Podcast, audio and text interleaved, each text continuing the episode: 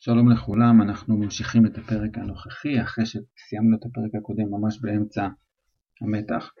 סיפ... סיפרנו בפרק הקודם שהארי היה בחדר של השרת ארגוס פילץ' ושם הוא ראה איזושהי מעטפה שממנה הוא הבין שבעצם פילץ' רוצה ללמוד להיות קוסם למרות שהוא אמור להיות כבר קוסם אבל הוא רוצה ללמוד קוסם, להיות קוסם אז הארי, הארי מבין שכאילו אולי פילץ' הוא לא כל כך קוסם, אין לו כל כך יכולות קסם כמו שהיה אמור להיות סיפרנו גם שהארי והחברים שלו היו במסיבה אצל ניק ולא במסיבה ולא בסעודה שכל בית הספר היה בה. ואחרי הסעודה אה, הארי שמע את הקולות האלה המפחידים ובעקבות זה הוא עלה עם החברים שלו ואז הם ראו את הכתובת על הקיר שכתוב שם חדר הסודות נפתח גורו לכם אויבי היורש ואז הם ראו את החתולה גברת נוריס קפואה ככה מאובנת. ואז גם כל שאר התלמידים הגיעו ומצאו את הארי ואת החברים שלו ליד החתולה המאובנת וליד הכתובת, מה שמראה כאילו אולי הם עשו את זה. ולכאן הגענו. אנחנו ממשיכים את הפרק הנוכחי. ארגוס פילד ששרת הגיע, הוא שמע את מאלפוי שאמר בסוף הפרק הקודם גורו לכם אויבי היורש, אתם הבאים בתור בוט דמים, זה מה שמאלפוי אמר בסוף הפרק הקודם. ואז פילד שמע כנראה את הצעקה שלו והגיע ופתאום ראה את גברת נוריס החתולה שלו הוא אמר, מה קורה פה? מה קורה? החתולה שלי, החתולה שלי, מה קרה לגברת נוריס? הוא ממש צרח. ופתאום העיניים שלו נחו על הארי. ואז הוא אמר, אתה, אתה, אתה הרגת את החתולה שלי, הרגת אותה. הוא ממש התחיל להתרגז, ופתאום הגיע דמבלדור ואמר, ארגוס, והוא רצה להשתיק את השרת, ודמבלדור אה, היה יחד עם עוד מורים, הוא מיד עבר והוריד את החתולה מה, מהכן של הלפיד, ואמר לפילץ' בוא איתי ארגוס, וגם אתם, אדון פוטר, אדון ויזלי, גברת גריינג'ר. ככה הוא רצה שהם ילכו למקום אחר. לוקהרט צעד קדימה בהתרגשות. המשרד שלי הוא הקרוב ביותר, אדוני המנהל, ממש כאן למעלה, תרגיש חופשי. תמיד הוא רוצה להיות בתוך העניינים. דמבלדור אמר, תודה לך גילדרוי, ובאמת הם הלכו לכיוון המשרד שלו. הקהל ככה נתן להם לעבור ולוקהרט נרגש מלא חשיבות ומיהר בעקבות דמבלדור. הגיעו גם הפרופסורים מגונגל וסנייפ והם נכנסו למשרד של לוקהרט ואיך שהם נכנסו למשרד היה נראה שיש כאילו פעילות על הקירות. כל התמונות של לוקהרט של הקירות הם היו ככה בדיוק סידרו את השיער הם רצו להתחבא הם לא היו מסודרים עם השיער מספיק גם הם מתייפייפים כמוהו. לוקהרט האמיתי הדליק את הנרות על השולחן צעד לאחור דמבלדור הניח את גברת נוריס החתולה על המשטח החלק והתחיל לבדוק אותה. הארי, רון והרמיוני הסתכלו אחד על השני, היו מתוחים. רצו לראות מה קורה. ודמבלדור ממש ככה הסתכל ובחן אותה, וככה מנסה לראות מה קרה לה. וסנייפ עמד מאחורה וגם פרופסור מקגונגל. סנייפ היה לו, הייתה לו הבעה מוזרה, כאילו משתדל מאוד לא לחייך. רק לוקארט הסתובב בין כולם והציע כל מיני הצעות. אה, זאת בהחלט הייתה קללה שהרגה אותה, מן הסתם העינוי הטרנסמורגריפי. צפיתי בהפעלתו פעמים רבות, כך שבאמת חבל שלא הייתי שם. אני יודע בדיוק איזו קללת נגד הייתה מצילה אותה. אם הייתי שם הייתי יכול לפתור את זה. וככה הוא דיבר לוקהארט בפילד שהיה ככה בוכה בשקט, בכי כזה שנשמע כמו שיעול, פשוט ישב על יד השולחן ושם את הפנים שלו בידיים, הוא לא יכול היה להסתכל על החתולה שלו ככה. והארי אפילו, כמה שהוא לא אהב את פילץ', הוא לא היה יכול שלא לרחם עליו. אבל על עצמו הוא ריחם עוד יותר, כי אם דמבלדור יאמין לפילץ' שהוא עשה את זה, אין ספק שיגרשו אותו מבית הספר. דמבלדור המשיך ככה להתעסק עם החתולה ולבדוק, עשה כל מיני דברים עם השרביט, נגע עם השרביט, והוא לא, עדיין לא, לא אמר כלום. ולוקהרט המשיך לדבר. אני זוכר שמשהו דומה לזה קרה, סדרה של תקיפות, הסיפור המלא מופיע בספר שלי, אני סיפקתי לכל תושבי העיירה כל מיני קמעות שסידרו את העניין מיד. והתצלומים של לוקהארט שהיו תלויים על הקירות הנהנו בהסכמה על משהו בזמן שהוא דיבר. בסוף דמבלדור, אחרי שהוא סיים לבדוק, הוא הזדקף ואמר, ארגוס היא לא מתה. לוקהארט אה, בדיוק היה באמצע לדבר ושתק. ופילץ' אמר, מה היא לא מתה? אז למה היא כזאת אה, נוקשה וקפואה? דמבלדור אמר, היא אובנה. ולוקהארט אמר, היי, כך בדיוק חשבתי. ודמבלדור המשיך להגיד, אבל כיצד היא הובנה? זאת לא אוכל לומר. פילץ' אמר, תשאל אותו! והפנה את הפנים שלו להארי. אז דמבלדור אמר, אף תלמיד בשנה שנייה לא היה מסוגל לעשות דבר כזה. לעשות קסם כזה צריך קסם כוח אפל מהסוג המתקדם. פילץ' אמר, הוא עשה את זה, הוא עשה את זה. בעצמך ראית מה הוא כתב על הקיר. הוא התכוון כמובן להארי. פילץ' חושב שהארי עשה לו את זה בגלל שהוא גילה שאין לו את יכולות הקסם, שלפילץ' אין את יכולות הקסם. אז פילץ' המשיך ואמר, הוא מצא במשרד שלי, הוא יודע שאני סקיב. הארי אמר, מעולם לא הרמתי אצבע על גברת נוריס, ואני אפילו לא יודע מה זה סקיב. גם אנחנו לא יודעים כרגע מה זה סקיב. פילץ' אמר, שטויות, הוא ראה את המכתב שלי בשצף קצף. ואז סנייפ פתאום התערב, ואמר, אם יורשה לי לדבר, אדוני המנהל, כשהארי שמע שסנייפ מתחיל לדבר, הוא כבר הרגיש מועקה. הוא היה משוכנע שאם סנייפ יגיד משהו זה לא יהיה לטובתו. ואז סנייפ אמר, ייתכן שפוטר וידידיו פשוט היו במקום הלא נכון בזמן הלא נכון. אבל באמת יש לנו כאן סדרה של נסיבות מחשידות. למה פתאום הם הגיעו למסדרון העליון? למה הם לא היו בסעודה עם כל בית הספר? הארי, רון והרמיוני מיד הסבירו שהם היו במסיבת יום המוות של ניק. הם הסבירו שהיו שם מאות רפ... רוחות רפאים שהם יכולים להגיד להם שבאמת הם היו שם. ואז סנייפ אמר, אז למה לא חזרתם אחר כך לסעודה? למה, לא... למה עליתם למסדרון ההוא? רון והרמיוני הסתכלו על הארי. בסך הכל הם הלכו אחריו. והארי הלך, עלה בגלל שהוא שמע את הקולות, אבל הוא לא יכול להגיד את זה שהוא שמע כל מיני קולות מוזרים. הוא לא יכול להגיד להם דבר כזה. אז הוא פשוט היה צריך להגיד משהו אחר, אז הוא אמר, אה, בגלל שהיינו עייפים ורצינו ללכת לישון. סניפ אמר, בלי ארוחת ערב? אני יודע שהאוכל במסיבות של ארוחות רפאים זה לא אוכל שאפשר לאכול. אתם הייתם צריכים להיות רעבים מן הסתם, אז למה לא באתם לאכול? רון אמר, לא היינו רעבים, ובדיוק הבטן שלו השמיע קרקור חזק. ואז החיוך של סנייפ התרחב, החיוך הנבזי שלו. והוא המשיך ואמר, לי נראה, אדוני המנהל, שפוטר לא מספר לנו את כל האמת. ייתכן שזה יהיה רעיון טוב אה, להעניש אותו קצת עד שהוא יספר לנו את הסיפור המלא. אני חושב שיש להשעות אותו מקבוצת הקווידיץ' של גריפינדור עד שהוא יהיה מוכן לספר לנו את האמת. פרופסור מגונגל התערבה. נו באמת, סוורוס, אני לא רואה סיבה למנוע מהילד לשחק קווידיץ'. החתולה הזאת לא חטפה מכה בראש ממטאטא. אין בכלל ראיות שפוטר עשה משהו שלא קשור רע. דמבלדור הסתכל על הארי במבט בוחן. הארי הרגיש כאילו נסרק במכונת רנטגן, כי העיניים הכחולות של, של דמבלדור ממש היו על הארי. ואז הוא אמר, זכאי עד שתוכח אשמתו, סוורוס. זאת אומרת, כל עוד לא הוכחנו שהוא עשה משהו, אנחנו לא מענישים אותו. סנייפ נראה כועס וגם פילץ' נראה כועס. החתולה שלי אובנה, הוא אמר. אני רוצה שמישהו פה ייענש. דמבלדור אמר בסבלנות, אנחנו נוכל לרפא אותה, ארגוס. מאדם ספראוט, היא המורה לצמחים, הצליחה לאחרונה להשיג כמה צמחי דודאים. ברגע שהם יגיעו לגודל המלא שלהם, אני אדאג שיכינו שיקוי שישקם את גברת נוריס. לוקארט אמר, אני אכין אותו, כבר הכנתי שיקוי כזה אולי מאה פעמים, אני יכול להכין שיקוי כזה אפילו מתוך שינה. סנייפ אמר, סלח לי, אבל אני הוא המורה לשיקויים בבית הספר הזה. ואז נהיה שקט. דמבלדור אמר להארי, רון והרמיוני, אתם חופשיים.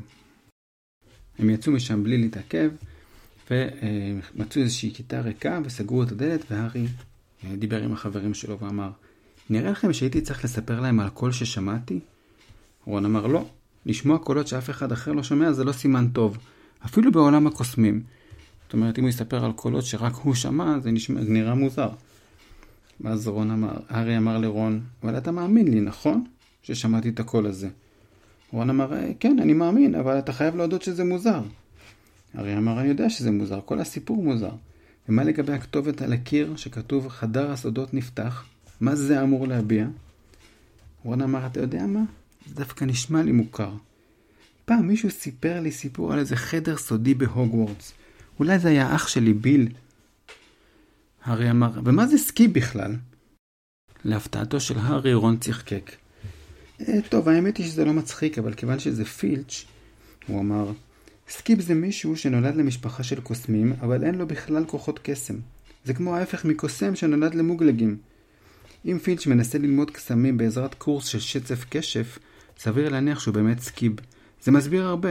כמו לדוגמה למה הוא כל כך שונא תלמידים. כנראה שהוא מקנא. כי הם קוסמים, יודעים לעשות כל מיני דברים, והוא לא. זה מתסכל אותו. וככה נגמרה השיחה, כבר היה מאוחר. בימים שלאחר מכן תלמידי בית הספר דיברו כמעט רק על התקיפה של גברת נוריס. פילץ' דאג שהסיפור הזה יישאר טרי במוח שלהם. הוא הסתובב כל הזמן במקום שבו הוא הותקפה, כאילו הוא חשב שהתוקף עשוי לחזור. הארי ראה אותו מנסה לקרצף את הכתובת מעל הקיר, בעזרת מסיר הכתמים המחושף הרב-שימושי של גברת קרצף. אבל זה לא עזר, המילים נשארו על הקיר זוהרות, למרות שהוא ניסה לקרצף ולהוריד אותם. פילץ' גם היה נטפל לתלמידים ומעניש אותם סתם ככה, כי, כי הם נראו סתם שמחים מדי או משהו כזה. ג'יני ויזלי, האחות הצעירה של רון, נראתה מוטרדת מאוד בגלל מה שקרה לגברת נוריס. רון סיפר שהיא מאוד אוהבת חתולים. והוא ניסה גם להרגיע אותה. התקיפה שקרתה השפיעה גם על הרמיוני, כי היא הייתה מבלה המון המון זמן בספרייה וקוראת בספרים, למרות שתמיד היא עשתה את זה, אבל עכשיו אפילו יותר.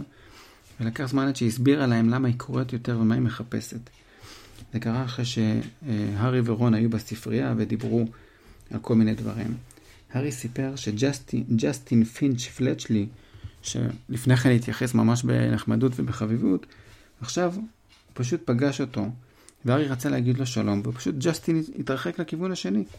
אז הארי סיפר את זה לרון, והוא לא מבין מה קרה, כאילו למה, למה ג'סטין מתנהג בצורה אחרת. רון היה עסוק עם סרט מדידה, הוא, מחר, הוא מדד את החיבור שהוא היה צריך לכתוב לשיעור תולדות הקסם של הפרופסור בינס. רון אמר, אני לא מאמין, חסרים לי 24 סנטימטרים. והרמיוני כתבה חיבור של מטר חמישים ושבע, למרות שיש לה כתב כל כך קטן. שיעורי הבית של אה, הפרופסור בינס היו לכתוב חיבור באורך מטר. וככה הם דיברו ביניהם, ואז הרמיוני יצאה מבין הספרים, נראתה עצבנית, אבל סוף סוף הסבירה מה, מה היא בדקה. היא אמרה, כל העותקים של הספר הוגוורטס תולדות לא נמצאים בספרייה. חבל שהשארתי את הספר שלי בבית. והארי אמר, למה צריכה את הספר? הרמיוני אמרה, מאותה סיבה שכולם רוצים אותו, כי אני רוצה לקרוא את האגדה על חדר הסודות. הארי אמר, איזו אגדה? הרמיוני אמרה, זה בדיוק הבעיה, אני לא זוכרת, ואני לא מצליחה למצוא את הסיפור בשום מקום אחר. וככה הם uh, uh, דיברו ביניהם, ובעצם הם הבינו, הארי ורון, שהרמיוני מנסה להשיג את הסיפור על חדר הסודות, להבין מה, מה הסיפור שם. והגיע השיעור תולדות הקסם, זה היה השיעור הכי משעמם של הפרופסור בינס, הוא היה המורה היחיד שהוא היה רוח רפאים. אז השיעורים שלו היו מאוד מאוד משעממים. לפעמים הוא היה נכנס לכיתה דרך הלוח וכל מיני דברים כאלה. היו אנשים שסיפרו שבכלל אף פעם לא שם לב שהוא מת. בוקר אחד הוא פשוט קם ללמד את השיעור שלו בתור רוח רפאים, אחרי שהוא מת. פשוט המשיך כרגיל, אחרי שהוא מת כמו שהוא היה לפני כן. והשיעור היה משעמם כמו תמיד. והפרופסור בינס ככה דיבר, התחיל להגיד את כל מה שהוא אה, מספר, את ההיסטוריה, ודיבר על כל מיני דברים, ופתאום קרה משהו שאף פעם לא קרה. אחרי חצי שעה של שיעור, פתאום הרמיוני הרימה הרים את היד. פרופסור בינס נראה עמום. העלמה... הרמיוני אמרה, גרנג'ר, אדוני הפרופסור, אולי תוכל לספר לנו משהו על חדר הסודות? דין תומאס, שעד אותו רגע ישב וחלם, פתאום נשלף מהתרדמה שלו.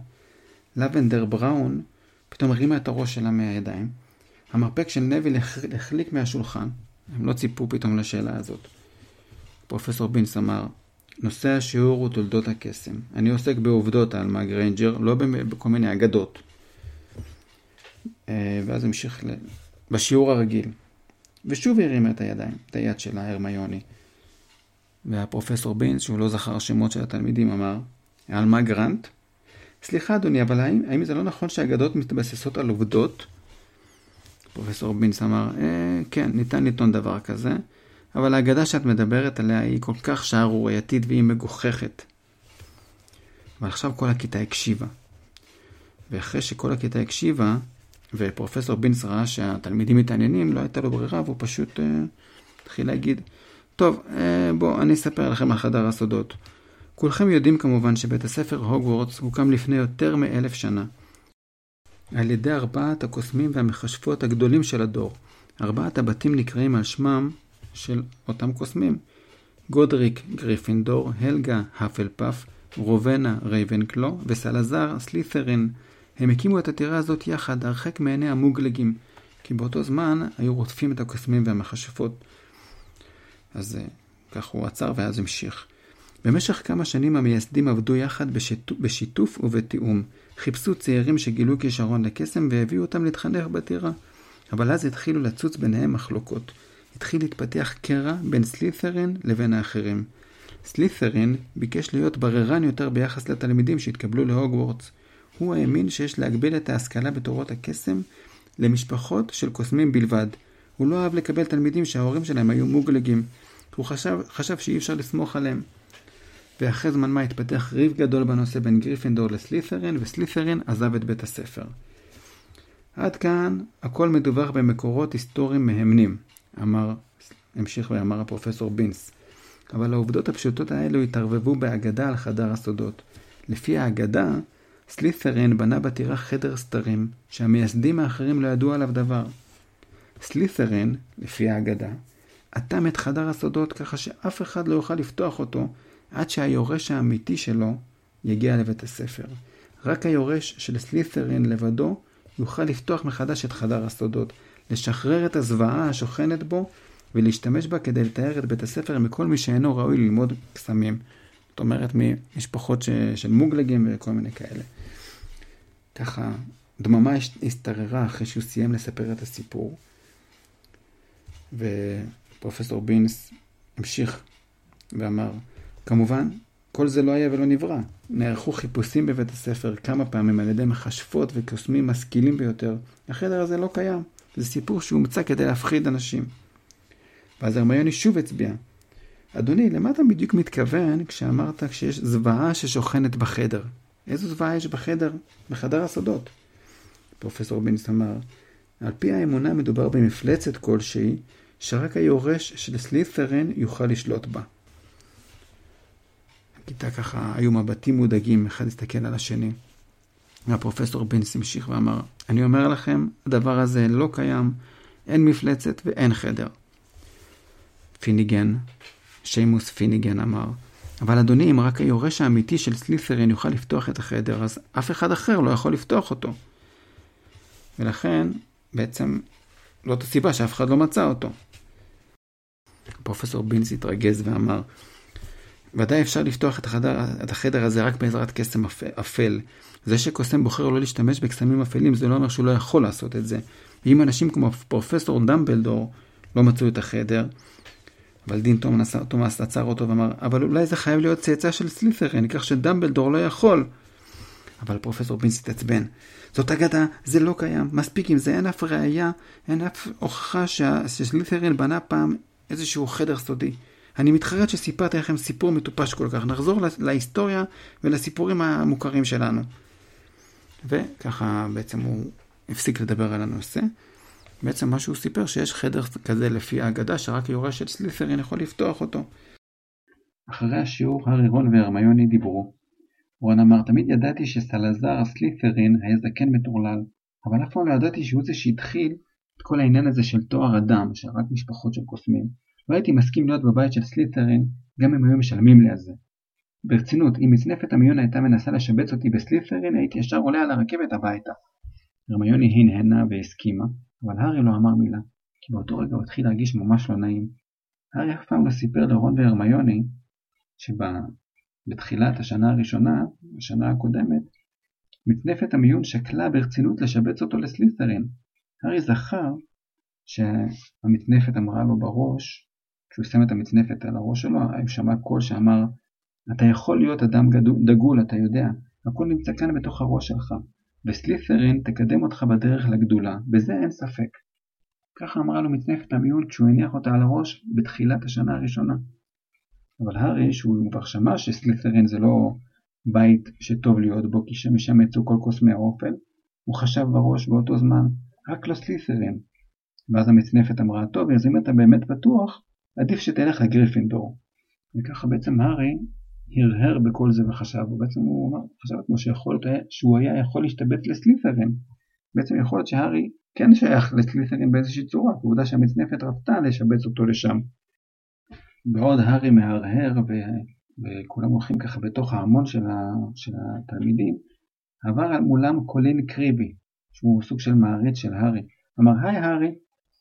הארי אמר לו אוטומטית, שלום קולין, הארי, ילד אחד בכיתה שלי אומר שאתה, אבל קולן היה כל כך קטן והיה נהר של אנשים וכבר נעלם ולא לא שמעו את הסוף של מה שהוא אמר. הרמיוני אמרה, מה אומרים עליך בכיתה שלו? הארי אמר, אני חושב שמה שהם אומרים עליי שאני היורש של סלית'רין.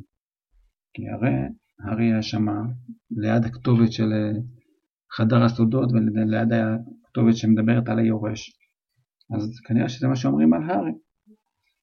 והארי גם נזכר על ג'סטין פינץ' פלצ'לי שברח ממנו ולא אמר לו שלום, אחרי שהוא היה נחמד בפעם הקודמת. אז הארי הבין שכנראה חושבים שהוא איכשהו שייך לסלית'רין והוא היורש המדובר. ויכול להיות שאפילו אולי זה נכון, כי הרי המצנפת רצתה לשבץ אותו לסלית'רין. וככה הם אה, דיברו, ובסופו של דבר פתאום מצאו את עצמם עומדים במסדרון, באותו מסדרון שבו הייתה התקיפה. הם עמדו והסתכלו, והמקום נראה כמו באותו לילה של התקיפה. חוץ מהחתולה שכבר לא הייתה שם. היה שם כיסא, ש... ששם פילץ' היה עומד על המשמר, ועדיין הכתובת הייתה על הקיר. והארי אמר, לא יזיק להסתכל מסביב. הם התחילו לחפש סימנים, הארי ראה כמה סימנים של אש, ואז הרמיוני אמרה, בואו תראו משהו. זה באמת משהו שנראה מוזר. הם ניגשו לכיוון החלון שליד הכתובת על הקיר, והרמיון הצביע על הזגוגית העליונה, והיה שם בערך 20 עכבישים שהתרוצצו שם, כאילו רצו לעבור דרך סדק קצר בזכוכית. והרמיוני אמר, ראית, ראיתם פעם התנהגות כזאת של הכבישים? הארי אמר לא. ומה אתה אומר רון? אבל רון עמד ממש רחוק.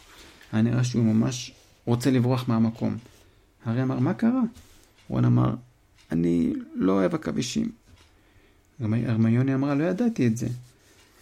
ורון הסביר שבאמת הוא לא אוהב עכבישים חיים, הוא לא יכול לראות עכבישים חיים, זה ממש אה, ככה גורם לו להרגיש לא, לא נעים, כי פעם כשהוא היה קטן, אחיו פרד הפך את, את הדובי שלו לעכביש ענק, וזה גרם לו לא לאהוב עכבישים. הארי רצה להעביר הנושא, אז הוא אמר פשוט, זוכרים את כל המים שהיו על הרצפה? מאיפה לדעתכם הם הגיעו? מישהו פינה אותם. רון אמר, הם היו בערך כאן, מאיפה שהדלת הזאת. הוא הושיט את היד אל הידית של הדלת כדי לפתוח אותה, ואז פתאום אמר, אה, אני לא יכול להיכנס לשם, זה שירותים של בנות. הרמיון אמרה, רון, לא יהיה אף אחד בפנים, זה המקום של מרטל המיילדת. קדימה, בואו ניכנס. היא פתחה את הדלת והם נכנסו, וזה היה באמת נראה מקום אה, לא נחמד בכלל. הראי היה סדוק ומוכתם, כיורי אבן היו שבורים, הרצפה הייתה רטובה ושיקפה את האור העמום שבקע ככה מהזנבות של כמה נרות. הצבע של הדלתות כבר התקלף. הרמיוני סימנה להארי ורון לשתוק, ופנתה לכיוון התא הקיצוני ביותר. כשהגיעה לשם היא אמרה, שלום מרטל, מה שלומך? הארי ורון התקרבו להסתכל, מרטל המייללת, המייללת ריחפה מעל המכל האסלה, ואמרה, זה השירותים של הבנות, הם לא בנות. הסתכלה על רון והארי. הרמיון אמרה, לא, רק רציתי להראות להם uh, כמה נחמד כאן. הארי לחש להרמיוני, תשאלי אותה אם היא ראתה משהו. מרטל אמרה, מה אתה לוחש שם? הארי אמר, כלום, רק רצינו לשאול. אבל מרטל הפסיקה אותו ואמרה, הלוואי שאנשים היו מפסיקים לדבר עליי מאחורי הגב. עדיין יש לי רגשות, אתם יודעים, עדיין. הרמיוני אמרה, אף אחד לא רוצה לפגוע בך, רק רצינו לשאול אם ראית לאחרונה משהו מוזר, כי מישהו תקף חתולה ממש כאן ליד הדלת שלך. רון אמר, ראית מישהו בסביבה באותו לילה? מרטל אמרה, לא שמתי לב, פיפסי העליב אותי באותו לילה כל כך שבאתי לכאן ולא שמתי לב לכלום. והיא היללה וצללה צלילת ראש לתוך האסלה, מתיזה על כולם מים ופשוט נעלמה. הארי, רון והרמיוני כבר רצו ללכת, שפתאום הם שמעו קול אומר, רון! זה היה פרסי ויזלי. הוא עמד בראש המדרגות, סיכת המדריך שלו נצצה, והייתה לו הבעה של הלם על הפנים. זה שירותים של בנות, מה פתאום אתם פה? רון אמר, סתם הסתכלנו מסביב, קצה חוט, אתה יודע. פרסי ככה כעס ואמר, צאו מיד מהמקום הזה. לא אכפת לכם בכלל איך זה נראה, לחזור לכאן בזמן שכולם אוכלים ארוחת ערב? למה שלא נהיה כאן? שאל רון ברוגז. תשמע, אנחנו מעולם לא הרמנו אצבע על החתולה הזאת. פרסי אמר, זה מה שאמרתי לג'יני, אבל היא בכל זאת חושבת שעומדים לסלק אותך מבית הספר. בחיים שלי לא ראיתי אותה כל כך נסערת. היא בכתה מאוד. אולי תחשוב פעם עליה. כל תלמידי שנה ראשונה ממש נסערים מכל העניין הזה. רון אמר, לך בכלל לא אכפת מג'יני. אתה רק מודאג שאני אקלקל לך את הסיכויים להיות התלמיד המצטיין. פרסי אמר, חמש נקודות יורדות מגריפינדור, ואני מקווה שתלמד מזה לקח. די עם כל הבילוש הזה, או שאני אכתוב לאימא. והוא פנה והלך משם. באותו ערב, בחדר המועדון ישבו הארי, רון והרמיוני, וניסו לחשוב מי, מי יכול להיות אותו יורש, אותו אחד שעשה את התקיפה. הרמיוני אמרה, אז בכל זאת, מי זה יכול להיות? מי היה רוצה שכל הסקיבים וילדי המוגלגים יעזבו את הוגוורטס? רון אמר, בוא נחשוב, הוא עשה את עצמו כאילו הוא מתאמץ לחשוב, מי אנחנו מכירים שחושב שילדי המוגלגים הם טינופת? הרמיון אמרה, אתה מדבר על מאלפוי. רון אמר, כמובן שאני מדבר על מאלפוי, את שמעת אותו. הוא אמר, אתם הבאים בתור בוץ דמים. הרי ברור שזה הוא. הרמיוני קצת הייתה בספק, והרי אמר, תראי את המשפחה שלו, כולם למדו בסלית'רין, הוא תמיד משוויץ בזה. ברור שהם יכולים להיות צאצאים של סלית'רין. הרי גם אבא שלו מרושע. ורון אמר, יכול להיות שהמפתח לחדר הסודות עבר במשפחה שלהם מדור לדור. הרמיוני אמרה, יכול להיות שזה נכון, אבל איך נוכיח את זה? שאל הארי. הרמיוני אמרה, יכול להיות שיש דרך. זה יהיה מסובך כמובן ומסוכן מאוד. אם נעשה את זה נעבור על בערך 50 חוקים של בית הספר. מה שנצטרך לעשות זה להיכנס לחדר המועדון של סלית'רין ולשאול את מאלפוי כמה שאלות, מבלי שהוא יבין שזה אנחנו. מה שנצטרך בשביל לעשות את זה זה שיקוי פולימיצי. זה שיקוי שסנאפ הזכיר בשיעור לפני כמה שבועות. זה שיקוי שהופך אותך למישהו אחר. תחשבו על זה, המשיכה הרמיוני. נוכל להפוך את עצמנו לשלושה תלמידים של סלית'רין. אף אחד לא ידע שזה אנחנו. וככה מאלפוי בטוח יספר לנו את הכל. הוא בטח משוויץ בזה בחדר המועדון של סלית'רין כל הזמן. ואז אנחנו פשוט נגיע לשם ונשמע אותו אומר את זה. רון אמר, הפולימיציה הזה נשמע לי קצת חשוד. מה אם אנחנו ניתקע ונשאר לנצח כמו שלושה מהסלית'רינים? הרמיון אמרה, לא, זה מתפוגג אחרי כמה זמן. החלק הקשה זה להשיג את המתכון. סנאפ אמר שהוא רשום בספר שקוראים לו שיקוי השיקויים. הוא בטח נמצא במדור, במדור המוגבלים בספרייה. זאת אומרת, יש ספרים מוגבלים בספרייה שלא כל אחד יכול להגיע אליהם. ויש רק דרך אחת להוציא ספר ממדור המוגבלים. צריך אישור של אחד המורים. רון אמר, יהיה קשה להסביר למה אנחנו רוצים את הספר בעצם, אלא אם כן אנחנו מתכוונים להכין את אחד השיקויים שבו. הרמיוני אמרה, אני חושבת שאם נציג את זה כאילו אנחנו רק מעוניינים בתיאוריה שמאחורי הקסם, לא ממש להכין את השיקוי, רק ללמוד על זה.